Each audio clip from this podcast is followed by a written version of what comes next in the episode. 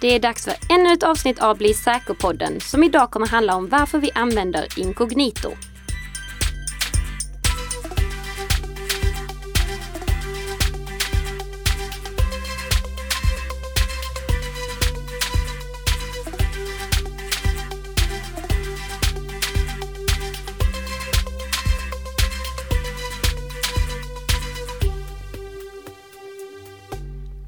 Morgon, god morgon. Det är fredag. Jag och Nicka sitter här. Nej, vi- ska vara inkognito den här gången. Ska... Det, ingen vet vilka det här är. ingen har någon aning du och jag är inkognito. Vi är det för varandra också. Vi är helt okända. Eh, och vi vet alltså då inte heller att den här podden produceras i samarbete mellan Nika Systems och Bredband2. nej, nej, det Nej. gör vi inte. Ja.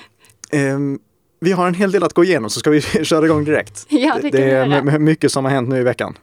Ja, absolut. Ehm, om jag säger WhatsApp, vad säger du då? Då säger jag att eh, du kan använda Signal istället. Där, där kan du nå mig.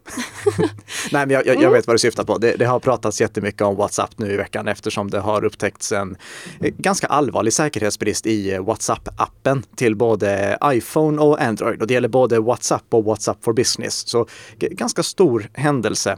Det, det upptäcktes att eh, en illvillig person kunde infektera WhatsApp-användares mobiler genom att bara ringa ett samtal till dem. Det var ett problem i VoIP-lösningen, alltså Voice over IP-lösningen, den som gör att man kan ringa till varandra, eh, som då gjorde att eh, en eh, elak person kunde infektera mobilen med spionprogram.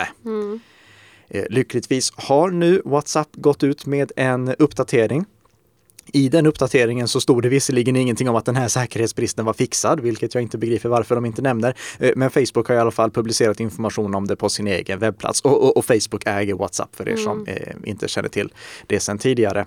Eh, vilket jag inte tror att jättemånga gör, men nu i alla fall har vi klargjort det. Så eh, se till att uppdatera till den senaste versionen av WhatsApp så att du inte får någon som spionerar på dig. Men merparten av er kan vara lugna oavsett vad, för ni har inte varit i riskzonen för den här attacken. Eh, Hur menar du nu? det, det är ju självfallet allvarligt att det här säkerhetshålet har funnits.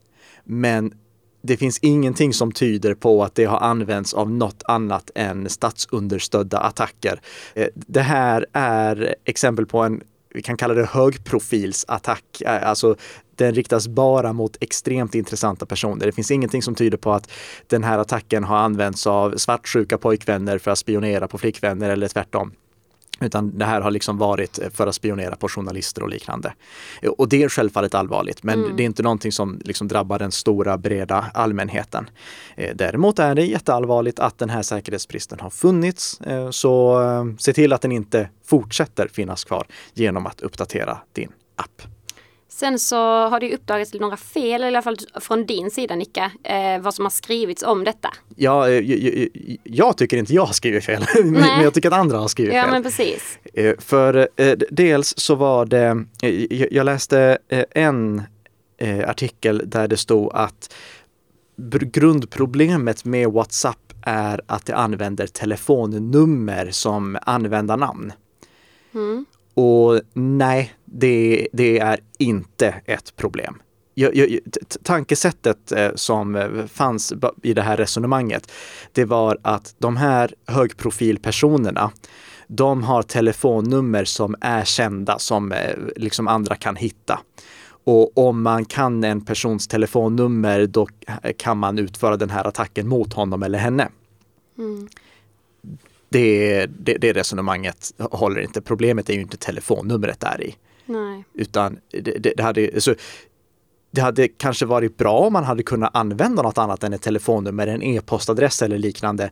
Men oavsett vad så ger det inte någon extra säkerhet. Försök aldrig att liksom höja säkerheten genom att dölja ditt användarnamn. Användarnamnet kommer fram förr eller senare i alla fall, framförallt i en sån här situation där du vill kommunicera med någon annan, för då måste den personen du pratar med också känna till ditt användarnamn. Mm. Så nej, det är inget problem i grund och botten att telefonnumret är din identifikator, ditt användarnamn i WhatsApp-sammanhang. Eh, och, om vi tar min favoritapp Signal då, som vi, ja, ja, har vi nämnt den någon gång tidigare i podden? Jag vet faktiskt inte, har vi det? Lite oklart. Ja.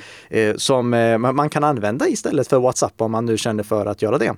D där används också mobiltelefonnumret som identifikator för att identifiera en. Eh, det finns de som inte uppskattar det, men jag ser inte det som en del av grundproblemet här. Grundproblemet här är inget annat än att det fanns ett fel i voice over IP-lösningen i WhatsApp som kunde exploateras. Mm. Eh, sen så vill du ju även, eh, jag ska nog börja kalla detta för veckans känga från veckans Nicka. känga? Ja. Jag måste ta och spela in någon jingel för det då också. När man hör en känga som flyger. Boom. Eh, och då har du snokat i mina anteckningar så då vet du vem som får veckans känga också. Och det är ju Bloomberg. Ja, eh, Bloomberg som eh, i, eh, de har sin egen tv-kanal, de har sin egen webbsida där de rapporterar om nyheter. Alla som handlar med aktier känner till Bloomberg. De är jättestora. Mm. Och jag ska säga som så här. Det var inte Bloomberg-journalist som skrev det jag kommer berätta nu, eh, utan det här var en krönika som publicerades på Bloomberg. Men det är det dummaste jag har hört den här veckan. Och som jag skrev på Twitter, jag har hört väldigt många dumma saker den här veckan. Eh, eh ja, rent eh, fel, vilseledande, dumt och potentiellt farligt är det. Eh, rubriken är följande. The WhatsApp hack shows end-to-end encryption is largely pointless. Alltså att eh, end-to-end kryptering, det här som vi pratat om tidigare, att eh, dina meddelanden krypteras på den avsändande enheten och dekrypteras först på den mottagande enheten. Det är end-to-end kryptering istället för att vi skickar någonting krypterat till en server och sen så ansluter du eh, till servern och laddar ner det krypterat därifrån, men det ligger okrypterat eller delvis krypterat eller på annat sätt krypterat på servern. Mm. Vi vill ha end-to-end kryptering hela tiden så att allting eh, från det att det lämnar vår telefon till att det når mottagarens telefon är krypterat och skyddat från eh, insyn från obehöriga parter. Så som det är till exempel med säkra konversationer i WhatsApp eller som det alltid är i Signal. Mm. Det som de tycker, eh, eller det som han som skrev den här, eh, jag ska inte måla ut Bloomberg här, för Bloomberg har bara publicerat det, men det som han som skrev krönikan tycker, det är att det här visar att eh, end-to-end kryptering inte fyller någon funktion i och med att sådana här incidenter kan inträffa, alltså att du kan få din enhet infekterad. Och Ja, det, det, stämmer ju att om du får din enhet infekterad eller om mottagarens enhet blir infekterad, den du pratar med, då är du inte skyddad. Men att dra det resonemanget så långt att hävda att det inte, att end-to-end end-to-end kryptering inte fyller någon funktion, det är bara vansinne. Mm. Eh, du Tess, eh, när du kör bil, ja. använder du då säkerhetsbälte? Ja. Nej, gör du? det gör jag. Jag säger det, jag lovar. Ja, nej, alltså test, test, test. Det är, äh, säkerhetsbälte är largely pointless för att citera Bloomberg här. För om du blir påkörd av en jättetank, alltså en stor stridsvagn, så kommer ditt säkerhetsbälte inte hjälpa någonting. Ja, men då är det lika bra att jag slutar. Va? Precis! Ja. Uh, och det här resonemanget är lika urbota dumt som resonemanget att inte använda end-to-end kryptering. Mm. För liksom, eh, eh, säkerhet det bygger inte bara på att det finns en patentlösning som fixar allt. Jag tror jag har sagt i något tidigare avsnitt att använd en lösenordshanterare, men lösenordshanterare är inte lösningen på alla världens problem.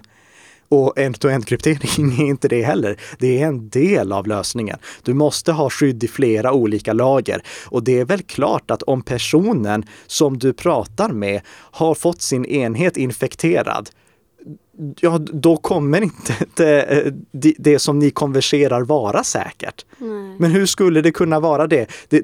Personen du pratar med kan ju inte läsa någonting krypterat. Och, och, det som krönikören föreslår här, det är att man ska använda analoga kommunikationssätt och det är verkligen... Mm. Eh, eh, okej. Okay. Vad härligt. Vi, vi kan göra som så här. Jag rekommenderar alla att läsa den artikeln. Bara för att liksom förstå hur dum den är. Vi kommer så, länka den. Absolut, så ja. som vi alltid gör. Men Bloomberg, om ni lyssnar på det här så tycker jag nu att ni ska göra som så. Eh, när lyssnarna klickar på länken, se då till att de inte kommer till den här artikeln, utan se till att de kommer till en artikel där det står vi insåg att den här krönikören hade fel, vi har avpublicerat det och vi ber om ursäkt. Mm. Ja, men vi håller tummarna för det. Ja, så Bloomberg, eh, vänligen fixa det. eh, nu ska vi gå vidare till nästa nyhet. Mm. Eh, det är nämligen så att artisten Sara Larsson har twittrat eh, under veckan till sina 1,4 miljoner följare att hon inte kunde se det senaste avsnittet av Game of Thrones eftersom hennes VPN inte fungerade. Men i inlägget så uppmanar hon sina följare att dela med sig av sina inloggningsuppgifter till streamingsidan HBO via ett privat meddelande. Mm. Vad säger du om det här? Eh, jag tycker det är dels roligt att se hur beroende folk är av denna tv-serie, som jag fortfarande inte har sett ett enda, av, ett enda avsnitt av. Um, VPN-kopplingen här, jag misstänker att det beror på, att hon skrev att, hon in, att hennes VPN inte funkar, så jag misstänker att hon har varit utomlands, hon är ju en internationellt stor artist, eh, och inte har kunnat komma åt eh, den streamingtjänst som hon använder när hon är hemma. Mm. Eh, för att eh, streamingtjänster blockerar ofta var de visar innehållet utifrån vilken IP-adress du ansluter från och IP-adressen är knuten till den geografiska punkten du befinner dig. Eh, VPN-tjänster kan användas för att kringgå det men bevisligen så fick hon inte det till att funka och ville därför ha inloggningsuppgifter någon annanstans. Jag, jag, jag, lyfter bara upp det här för jag, jag, jag tycker att det var roligt eh, att se. Eh, mm. Roligt att se hennes fans också, hur de reagerade på det.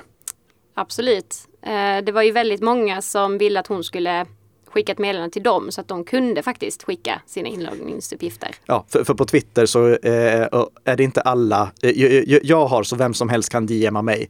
Men jag förstår att om någon som Sara Larsson som har, låt oss säga, lite fler följare än vad jag har på Twitter. Ja, eh, då kanske man inte vill att vem som helst ska kunna DMa. Eh, men, men oavsett, DMa betyder skicka meddelanden. Oavsett vad, dela inte med dig av dina inloggningsuppgifter någon gång under några som helst omständigheter.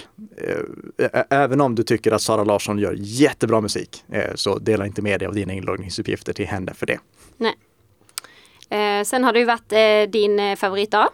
Jag hävdar fortfarande inte att det är min favoritdag. Nej, det är jag men... som hävdar att det är din favoritdag. ja, men det var patch tisdag i det tisdags. Var det. Ja, det var ja. det. Mm. Några nyheter här? Massor. Det, mm. det här var nog troligtvis den största patch-tisdagen eh, jag varit med om. Eh, för dels så rullade Microsoft ut sina vanliga uppdateringar som de gör den andra tisdagen varje månad. Mm. Eh, och sen brukar Adobe göra det också. Men den här gången så rullade också Apple ut uppdateringar till Android, äh, till Android gjorde de inte alls, till iPhone och MacOS. Ja. Så det var väldigt många saker jag skulle uppdatera i eh, tisdags. Och vi, vi, kan bara ta eh, det, det, absolut viktigaste här. Eh, igen, eh, uppdatera bara alla dina enheter så är det lugnt. Eh, men det här, den här månaden, då innehöll Microsofts säkerhetsuppdateringar en åtgärd för en extremt allvarlig brist. Eh, det upptäcktes nämligen att i Windows 7 så fanns det en säkerhetsbrist som gjorde att angripare skulle kunna göra en mask, alltså en typ av skadeprogram som sprider sig själv via nätverk och via internet. Eh, om inte datorer uppdateras eh, med den här säkerhetsfixen, då finns det alltså risk att vi får ett nytt utbrott där ett skadeprogram sprider sig själv från dator till dator. Så en infekterad dator letar upp andra infekterbara datorer och infekterar dem som i sin tur infekterar andra datorer helt utan användarinteraktion. Alltså mm. Alltså utan att användaren behöver göra någonting. Så det här är liksom ett toppnivån på hur allvarlig en säkerhetsbrist är. Exakt sen vad den säkerhetsbristen kommer användas för, det vet vi inte. Men det, är liksom, det här måste stoppas så att vi inte får skadeprogram som drar nytta av den på det sättet. Mm. Och Microsoft, de inser också hur otroligt allvarligt det här är. Så gamla Windows XP, som gick i graven 2014 om jag inte missminner mig, har till och med fått en uppdatering. Och Microsoft har liksom inte uppdaterat Windows XP på år och dagar. Eh, men nu inser de att det finns fortfarande internetanslutna Windows XP-datorer. Och även om de inte längre är berättigade till några uppdateringar så finns det nu uppdateringar eh, som åtgärdar den här säkerhetsbristen för Windows XP också. Så allvarligt är det alltså? Så allvarligt är det. Mm. Så kör du Windows 7, se till att uppdatera till den senaste versionen. Eh, alltså bara sök efter uppdateringar.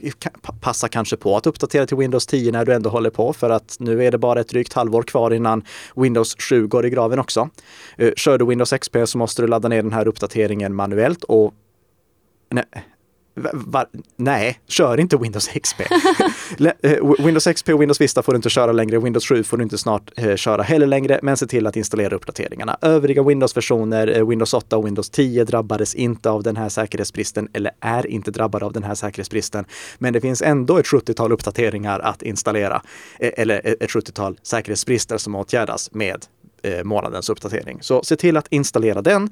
Adobe har släppt uppdateringar, så se till att installera de uppdateringarna. Om du använder Creative Cloud så dyker det upp att du ska uppdatera automatiskt, förutom när det gäller just Adobe Reader, alltså Acrobat Reader, som av någon anledning fortfarande inte uppdateras tillsammans med alla andra Adobe-appar. Så uppdatera den också manuellt eller avinstallera den och använd en annan pdf-läsare så som vi har sagt tidigare. Och eh, MacOS och iOS har också uppdaterats. Se till att du har de senaste uppdateringarna installerade och att du kör MacOS eh, eh, vi ska säga, eh, Sierra, High Sierra eller Mojave. Eh, och om du vill ha en fullständig lista på det som jag sa nu så kan du kolla i våra show notes. Men egentligen sök efter uppdateringar, se till att du installerar de senaste. Wow, ja. det var en rejäl eh, patch, eh, patch tisdags Det, det blev en stor patch tisdag där ja. Eh, då är det dags att gå vidare till veckans huvudämne. Jag tror det, för um, tiden springer iväg här. Ja. Det här var inte de enda sakerna som hände i tisdags. Tisdag var verkligen en fruktansvärd dag. Men uh, det här var de viktigaste sakerna som berör slutanvändare. Mm. Ska vi prata om lite inkognito? Ja inkognito-läget i din webbläsare närmare bestämt. Ja. Inte vi som är inkognito. utan, ja. Men det är vi fortfarande. Ja, ja. exakt. Äh, äh, använder du inkognito-läget ofta? Ibland gör jag det. Mm. Um, och jag det, vet att dina vänner gör det också. Det gör de. Och jag fick ju i uppgift av dig mm. att fråga några av mina vänner varför de använder inkognito-läget. Ja. Uh, ska vi gå igenom några av de här och så kan vi se om ja, vad de tycker mm. och tänker. Uh, och inför det kan vi bara nämna att uh, det, det, heter in private browsing och liknande i andra webbläsare. Uh, men, men, poängen är alltså att du öppnar ett webbläsarfönster som heter då någonting med privatsurfning eller inkognito. Jag tror att väldigt många gör det i sin webbläsare oavsett om de använder Chrome eller om de använder Firefox eller Edge eller Safari. Men varför gör man det? Låt höra. Mm. Um, jag använder det för spy business som jag inte vill att någon ska se. Jag trodde det innebar att det var inkognito men nu blir jag osäker. Tror bara det är att historiken inte sparas på min dator men andra kan se att min IP-adress har varit där. Mm. Vad, vad, vad, vad är spy business för något? Eh, jag tror det är sånt som man inte vill att någon annan ska se. Om det är någon annan som delar samma dator. Mm. Det stämmer. Mm. Webbläsarhistoriken sparas inte. När du öppnar en, ett inkognito-fönster och eh, går till till exempel bredband2.com, då sparas det inte att du har varit på bredband2.com i din webbläsarhistorik. Så det, det, det är en, en, av fördelarna. Men IP-adressen, eh, den syns fortfarande för webbplatsen som du besöker. Så om du har en eh, svensk IP-adress och besöker till exempel eh, amerikanska Netflix, då ser amerikanska Netflix att du kommer från just den IP-adressen och att den då tillhör det svenska IP-adressspannet och att den därmed inte ska få komma åt amerikanska Netflix. Så det, det, det stämmer. Det webbplatsen som du besöker ser fortfarande din IP-adress, varifrån du kommer. Och om de har historik på vad din IP-adress har gjort där äh, tidigare, då kan de också koppla ihop det. Mm. Mm. Eh, ska vi gå vidare till nästa? Ja. Eh, jag använder ibland inkognito för att läsa artiklar som är stängda eftersom jag redan har läst x antal artiklar. Vissa sidor sparar en cookie i ens browser som håller koll på sånt och jag tror inte det sparas några cookies i inkognito-läget. Och det var helt rätt. Eh, så det, där behöver jag egentligen inte tillägga någonting. Det, om man får läsa till exempel eh, tio artiklar per vecka på en eh, webbsida eller på, på en, en, nyhetssida. Mm. Då sparas det i en cookie, alltså bara en liten textfil. Cookies är helt ofarliga. kan vi säga. Det, cookies kan användas för spårning och det är inte trevligt. Men eh, cookies är bara textfiler så de är inte farliga att ha på sin dator. Och mm. där sparas det då hur många artiklar som man har läst.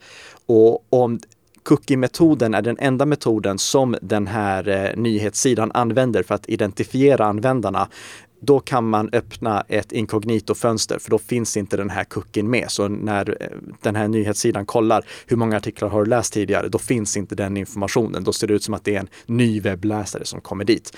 De det, det, finns nyhetssidor som arbetar med mer sofistikerade identifieringsmetoder för att inte bara förlita sig på den här cookie-metoden som är så väldigt enkel att gå förbi. Men om sidan använder det, då kan man gå förbi den antal artikelläsarspärren på det sättet. Mm. Eh, nu ska vi se, nummer tre här då. När man inte vill eh, att historik på vad man har sökt på ska sparas i webbläsaren. Mm. Eh, och när man vill hur sidan man ofta besöker ser ut oinloggad inom situationstecken. Ja, och också ett väldigt bra eh, exempel för Många nyhetssidor till exempel profilerar vad det är som ska visas så att du får olika, du, du, får se de artiklar som de tror att du är mest intresserad av. Och om man då vill se en eh, sida, hur den ser ut för en, eh, en webbläsare som inte är bekant, Mm. Då öppnar man inkognitofönstret. Det är också användbart om man till exempel jobbar med e-handel och vill se hur sidan ser ut för kunder istället för att se hur den ser ut när eh, e-handels webbplatsmotorn har hittat vilka produkter som ska rekommenderas till en specifik köpare. Det här hjälper ju då såklart inte om man ändå är inloggad på sidan, men om du öppnar ett inkognitofönster då är du inte inloggad utan att du loggar in på nytt i inkognitofönstret också. Så det kan du absolut använda det till. Det man ska tänka på det är att, eh, som vi sa tidigare, din IP-adress syns fortfarande för webbplatsen som du besöker. Och det skulle till exempel kunna användas för att ge dig regionala erbjudanden. Eh, en sida kan anpassas utifrån vilken region du ansluter från eller från vilket land du ansluter från. Så det kan fortfarande ske viss profilering även om det inte blir så noggrant som det är om du är inloggad eller spårad med en cookie. Är det samma sak som om jag skulle googla eh, i då, via ett inkognitoläge? Mm så blir det mer neutralt så att den baseras inte på mina tidigare sökningar. E exakt, och, ah. och, och, om du söker på Google efter någonting, då kommer Google försöka hitta det som är mest relevant för dig. Eh, för e-, ett ord som har många betydelser kan vara olika relevanta för olika personer. Mm. Och då kan Google använda den informationen som de har om dig som användare för att försöka hitta det mest exakta, eh, exakt rätta sökresultatet så att det kommer så högt som möjligt. Om du öppnar inkognito-fönstret då kommer Google bara ha information om din webbläsare, eh, alltså vilken webbläsare du använder och varifrån du ansluter och kunna prioritera upp det. Och det gör de ju för att du till exempel inte ska få upp nyheter om vad som händer i eh, i Rumänien. Du är inte intresserad av det. Du vill veta vad som händer i Sverige och då prioriteras svenska resultaten upp. Mm. Um, vi går vidare. Jag vet inte men jag gissar att det har någonting med privat och säkerhet att göra. Ja, inte med säkerhet. Nej. Uh, men med privacy så har det lite att göra att om du öppnar ett inkognito-fönster, den sessionen som du eh, har uppe då när du surfar på nätet, all den information som eh, eh, dina webbplatser du besöker sparar om dig blir oanvändbart när du stänger det fönstret. Så på så sätt så eh, skyddas du lite ur ett privacy-perspektiv. Men man ska tänka på att det inte betyder att du är anonym på nätet eller någonting sånt. Eh, mm. och eh, ett vanligt misstag det är att folk tror att det här inkognito-läget gör att oberoende parter får mindre insikt i vad du gör. Men om vi tar eh, din arbetsgivare till exempel. Mm. Arbetsgivaren kan ändå se vilka webbsidor du besöker. Eh, arbetsgivaren kan se att du, surfade till den här eh, webbplatsen vid det tillfället och den här webbplatsen vid det tillfället. Om du har en arbetsplats där eh, ditt nätverk dessutom skyddas av en brandvägg som genomför det som brukar kallas Deep Packet Inspection. Eh, då kan arbetsgivaren se allt innehåll, alltså även bryta upp krypterade anslutningar och se innehållet i vad, vad det är du överför. Och det görs inte för att eh, eller jag hoppas att det aldrig görs för att eh, arbetsgivaren vill spionera på det, utan det är en ren säkerhetsåtgärd. Mm. För Eh, då kan arbetsgivarens brandvägg spärra till exempel skadeprogram som håller på att laddas ner eller inspektera vilka webbplatser du besöker så att de direkt i brandväggen kan spärra åtkomsten till webbplatser som du definitivt inte ska besöka för de är kända för att sprida skadlig kod eller för att eh, utföra nätfiskeattacker. Så arbetsgivaren kan oavsett vad se eh, vad det är du gör, även om du har ett inkognito-fönster uppe. Mm, så pass på. Ja, eh, skola samma sak. Eh, däremot eh, den här just Deep Packet Inspection-delen, den tror vi ska ha ett helt eget avsnitt om också. Eh, den beror på hur eh, din dator är konfigurerad. För du, måste ha ett certifikat från din arbetsgivare installerad på datorn eller på mobilen för att det ska vara möjligt att genomföra. Men vi, vi tar det i ett eget avsnitt. Mm. Um, Okej, då har vi sista här då. Mm. Uh, jag brukar använda inkognito när jag vill surfa på något där jag inte vill att sökhistoriken ska sparas. Till exempel när jag kollar på present till Rasmus. Jag använder alltid hans dator hemma nämligen. Rasmus är då pojkvännen till min vän då. Okej. Okay. Ja. ja. Uh, och ytterligare ett bra exempel på när man kan använda inkognito-läget och det faktiskt tillför någonting. Det som jag skulle vilja tipsa där om det är att jag tycker ju att eh, hon och Rasmus ska ha varsitt inlogg till Windows eller till MacOS istället. Mm. Så att de inte är inloggade eh, på liksom, eh, samma konto. Nej. Eh, men det, det, är en helt annan sak. Men eh, ja, ypperligt exempel på vad man kan använda det till också. Mm. Sen finns det några saker till man kan använda inkognito-fönster till. Eh, till exempel om du vill besöka en webbplats utan att ha dina tillägg aktiverade. Du har ju säkert ett gäng tillägg i din webbläsare. Eh, och om du vill besöka en webbplats och se hur den ser ut utan att de tilläggen är aktiverade, då är det simpelt att öppna upp ett tillfälligt inkognito-fönster och se hur det ser ut då. Mm. Eh, sen är det också om, om du någon gång besöker en webbplats som ser trasig ut, du tycker att ja, men det, det här ser jättekonstigt ut. Eh, då kan det vara för att den webbplatsen har cachats, alltså eh, tillfälligt lagrats i din webbläsare i en trasig version och att det orsakar något problem där. Så om någon gång en webbplats ser trasig ut, prova att öppna den i ett inkognitofönster och se ifall den då ser rätt ut. Eh, och om, om den gör det, då vet du att då måste du tömma webbläsarcachen eller webbläsarhistoriken och allt som tillhör den för att du ska få rätt version av webbsidan i framtiden. Mm. Och sen är det en sak till som jag framförallt använde förr i tiden. Jag har inte använt det på senare tid för det har inte varit gynnsamt. Men jag minns att det kunde skilja tusen lappar när jag skulle boka en Islandsresa för fem sex år sedan. Oj! Ja, och eh, då hör ni att det har någonting med resor att göra. Det är nämligen som så att eh, eh, jag vet inte hur omfattande det här är, men ni kan testa nästa gång ni ska boka en resa som är lite mer kostsam. Om man besöker ett ställe där man kan köpa biljetter och inte köper biljetterna just då, utan man backar tillbaka och så kommer man tillbaka lite senare, då kan biljettpriset ha gått upp. Hmm. För att eh, man ska känna, oh, det är bråttom, priset höjs. Yeah. Och triggas att köpa biljetten direkt. Eh, men det kan i så fall vara så simpelt att det är en cookie som ligger lagrad på datorn som säger åt eh, webbläsaren och den här, eh, eller säger åt webbtjänsten som du besöker att det här är andra gången eller tredje gången jag kommer tillbaka, så visa ett högre pris nu. Ehm, och om man då öppnar samma webbsida i ett inkognitofönster, då finns inte den kucken där, utan då ser det ut för den här webbtjänsten där du köper biljetter att det är första gången du kommer dit och då får du ursprungspriset. Jag pratade med en vän om det igår faktiskt. Mm. Um, och uh, hon har testat det men hon har liksom aldrig fått något föränderligt pris. Nej, det, jag, jag säger inte att alla gör det här. Det, det beror, det, I mitt fall var det Icelandair. Eh, jag vet inte om Icelandair gör det fortfarande men eh, då var det dem. Mm, så vi eh. lovar liksom ingenting här. Nej, det, det, är inte så att du nödvändigtvis får ett bättre pris bara för det. Det kan till och med vara så att du får ett sämre pris för att om du är medlem i flygbolagets eller tågbolagets eller vad, vad det nu är, lojalitetsprogram mm. och är inloggad, då får du kanske ett bättre pris på grund av det jämfört med om du är en helt för dem okänd person. Men oavsett vad, det kan vara värt om det är ett högt pris på biljetten att testa båda alternativen. Absolut. Mm. Har du något annat som du vill eh, tillägga här? Ja, Använd inkognito-fönstret i nämnda situationer mm. eh, för att få bättre webbläsarupplevelse eller för att inte spara gammal webbläsarhistorik. Använd det inte som en säkerhetslösning, för det är inte det det är. Ja. Ska vi gå vidare till eh, veckans lyssnarfråga? Ja. Då är det att vi har fått in en eh, fråga från Johan på Facebook. Och eh, han skriver Hej på er och tack för en bra och intressant podd. Jag har en fråga angående min NAS, eller NAS. Eh, jag säger NAS, Network NAS. Attached Storage. Det Då är en, en nätverksansluten hårddisk. Mm. Eh, Okej, jag har en fråga angående min NAS. Det är en QNAP eh, 451 och den kräver en öppen port i routern för att jag ska kunna ansluta till den på distans.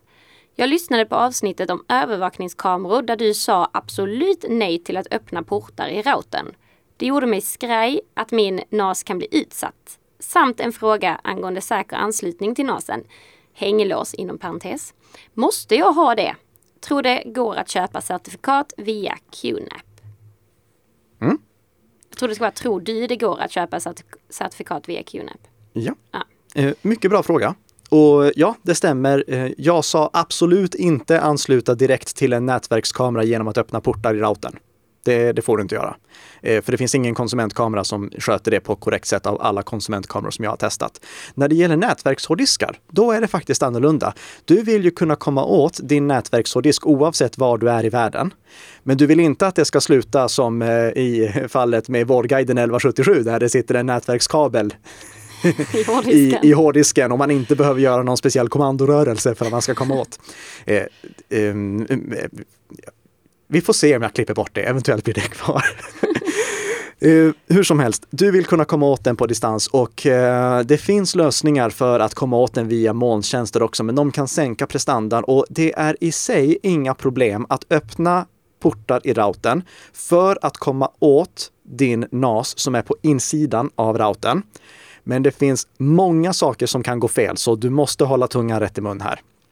Eh, för det första, om du ska göra det för att komma åt själva webbgränssnittet, då måste du ha ett certifikat. Det här är inte någonting som är uppe för diskussion, utan du måste ha det. För att om du inte har det, då kan eh, dina Eh, inloggningsuppgifter kapas när du försöker logga in över internet. Så du måste ha det, du måste skaffa ett certifikat. Och jag vet att eh, QNAP dels säljer certifikat och sen så kollade jag i deras appbutik där man kan köra app, köpa appar till sin nätverkshårddisk. Och där så fanns det också en app som stödde Let's Encrypt. Och Let's Encrypt är bland det bästa som har uppfunnits sedan skivat bröd, för då kan du nämligen få ett certifikat utan att betala en enda krona. Wow. Ja, eh, och då får du hänglås i adressfältet. Och, eh, det, det måste du ha. Du måste ha en säker anslutning och det kan du då få gratis med det här. Jag använder själv NASar från Synology och där är Let's Encrypt inbyggt i Synologys operativsystem så det är bara aktiverat ute och köra. Då får du en säker anslutning. Sen måste du se till att stänga av så att du aldrig kan råka ansluta via en okrypterad och icke-autentiserad anslutning av misstag. Ehm, se till att bara ansluta via säkra anslutningar. Men om du gör det, då kan du låta NASen vara exponerad mot internet med en port öppen i routern under förutsättning att du tar ansvar för säkerhetsunderhållet. Eh, och den här väldigt eh, eh, arga rösten som jag sa, sa det med, det var alltså inte riktat mot dig Johan, utan det var riktat mot alla som funderar på det här. Om du låter din NAS vara exponerad mot internet, då måste du se till att installera säkerhetsuppdateringarna så fort de släpps. Så när du uppdaterar dina enheter, eh, som nu till exempel på, på patch-tisdagen, se då till att också uppdatera din NAS så att den har de senaste säkerhetsuppdateringarna. Och dagen då QNAP eller Synology slutar underhålla din NAS, då får du inte längre ha den exponerad mot internet. Men fram till dess kan du ha det och du kan öppna en port i routern så länge du håller den underhållen med säkerhetsuppdateringar och uteslutande och utan undantag använder säkra anslutningar. Och för det behöver du ett certifikat som du kan få eh, via Let's Encrypt helt kostnadsfritt. Hoppas Johan fick svar på sitt, eh, sina frågor där. Och med det sagt så kan vi väl bara konstatera att jag ska skicka iväg en bok till. Den går till eh, Johan då, Eh, så det kommer en bok eh, till posten med dig.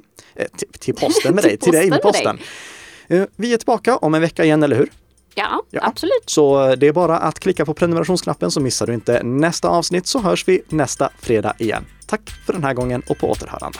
Ha det gott!